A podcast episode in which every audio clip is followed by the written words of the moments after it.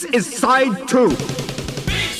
The B-side spot with Manfred Tomasa of Disdain.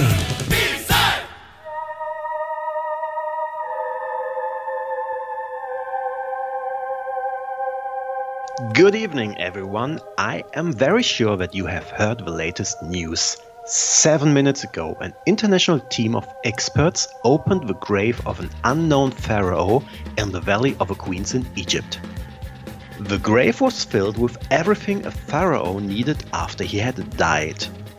What the experts did not mention is another sensation we really need to talk about. And this is the moment Oren will ask, What is it? What is it? Inside the grave, the experts found a record player and an 8 track tape recording machine from the 1980s. What? Yes. No one can explain this because the grave has never been opened until the experts arrived six minutes ago. Seven. Maybe eight.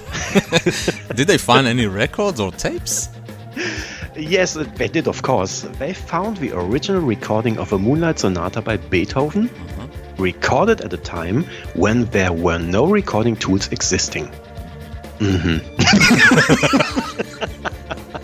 Up to this, they found a tape containing Alan Wilder's version of Moonlight Sonata.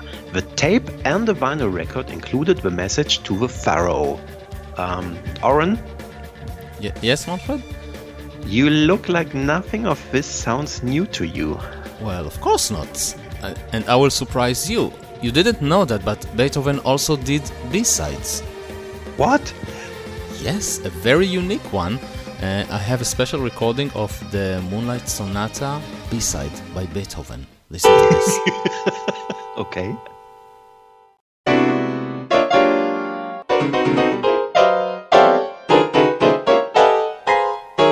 Great, isn't it? Yeah. Uh,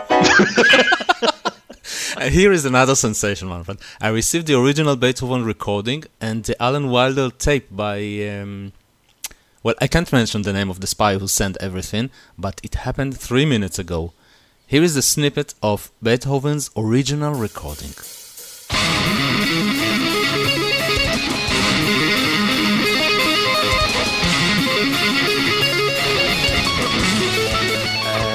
that sounds really weird if, if you think how the professionals play it today. Maybe history has to be rewritten again, but let's play a B side, okay?